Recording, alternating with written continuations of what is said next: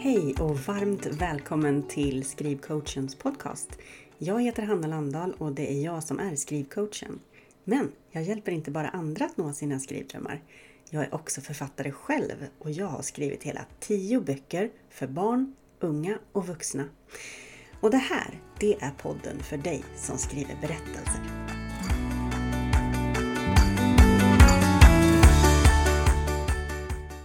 Vissa dagar känner du dig kanske ganska nöjd med din text. Du tänker att det kanske inte blir så himla illa ändå. Men så kommer de andra dagarna. Du blir frustrerad, fantasin går på sparlåga och du får liksom inget grepp om din berättelse.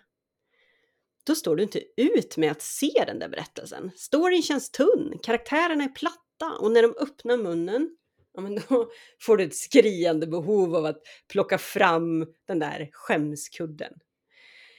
I det här avsnittet så kommer jag ge dig lite tips på hur du kan tänka och vad du kan göra för att ta dig igenom de där destruktiva tankarna.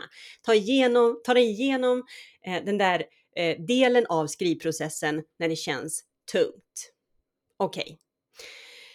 Det första du kan eh, tänka när du känner det där självtvivlet som vi alla känner när vi skriver. Ehm, när de där, alltså, när de, det är att tänka att det inte är något fel på dig eller din text. Jag vet att det kan vara svårt, men det är så här att självkritiken, den är en del av skrivprocessen. Den är liksom skrivandets baksida.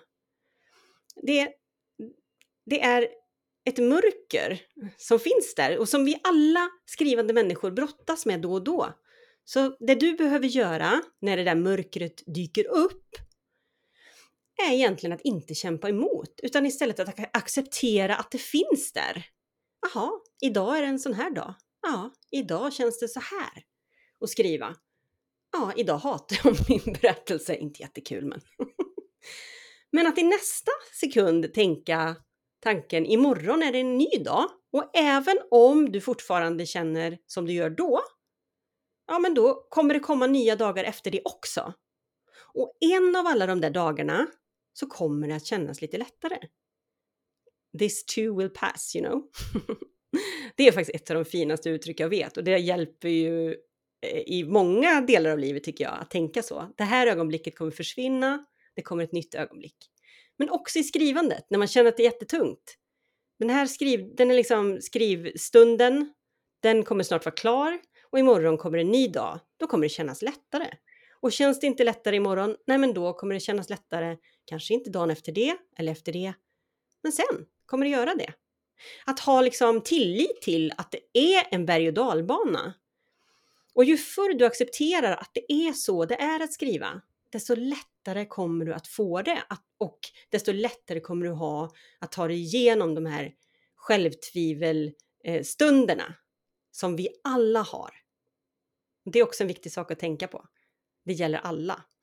Det gäller mig och det gäller säkert eh, ja, alla dessa framgångsrika författare också. Det är jag övertygad om. Okej, okay. en annan sak att tänka på är det här. Tryck inte på delete. Jag vet att det är jättefrestande när det, man tycker att det man skriver bara blir jättedåligt. Det är så frestande att bara liksom markera alltihop och så bara delete.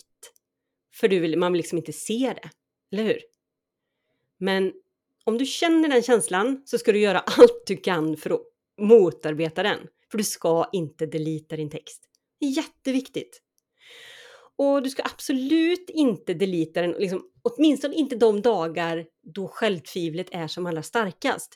För det är ju inte det här självtvivlet som, som du känner, det är ju ingen sanning.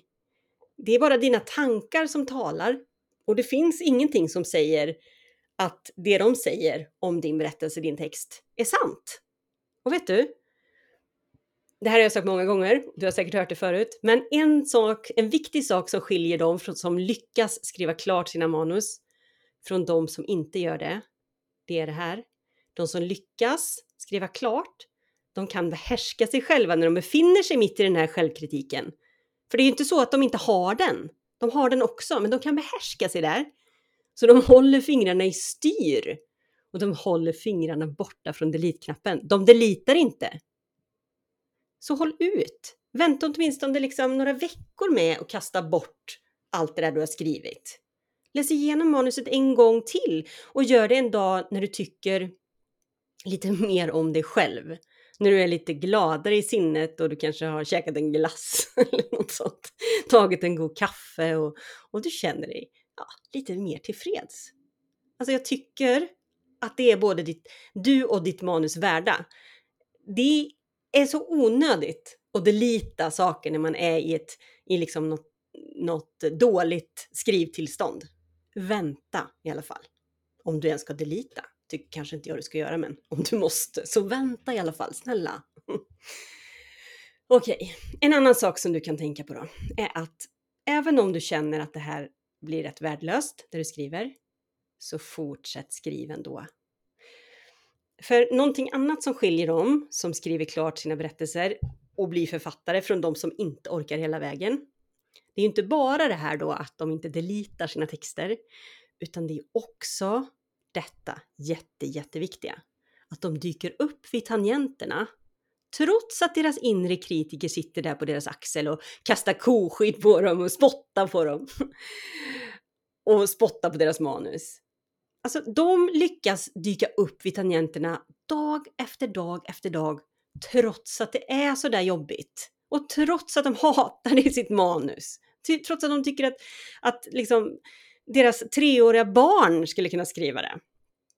Alltså de här personerna får också slut på idéer.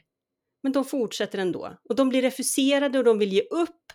Men de fortsätter ändå. Och det här, de här sakerna, det är verkligen något att hålla i minnet. För att du kan också göra så. Du kan också fortsätta ändå. Även om du tycker att det du skriver just i den här stunden blir ganska värdelöst. Mm. Och en annan sak, nu kommer jag till en jätte, jättebra eh, punkt här, förstår du.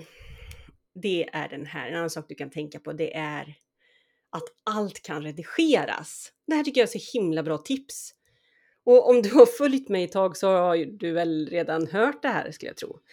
Um, men jag tycker att det tål att upprepas, för den här tanken att allt som man skriver kan redigeras, det är på något vis något av det mest kraftfulla som du kan tänka när det här självtvivlet gentemot ditt manus och dig själv som författare är som allra starkast.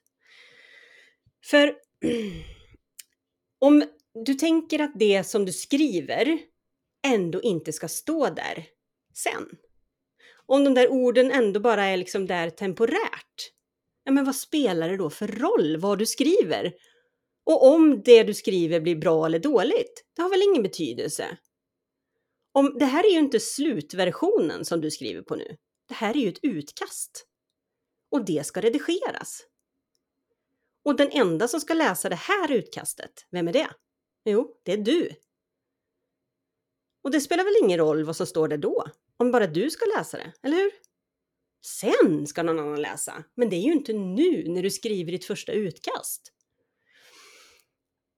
Och det är ju också så här att om du inte skriver klart det där första utkastet, då, liksom, du skriver ju det första utkastet, så du kan tänka.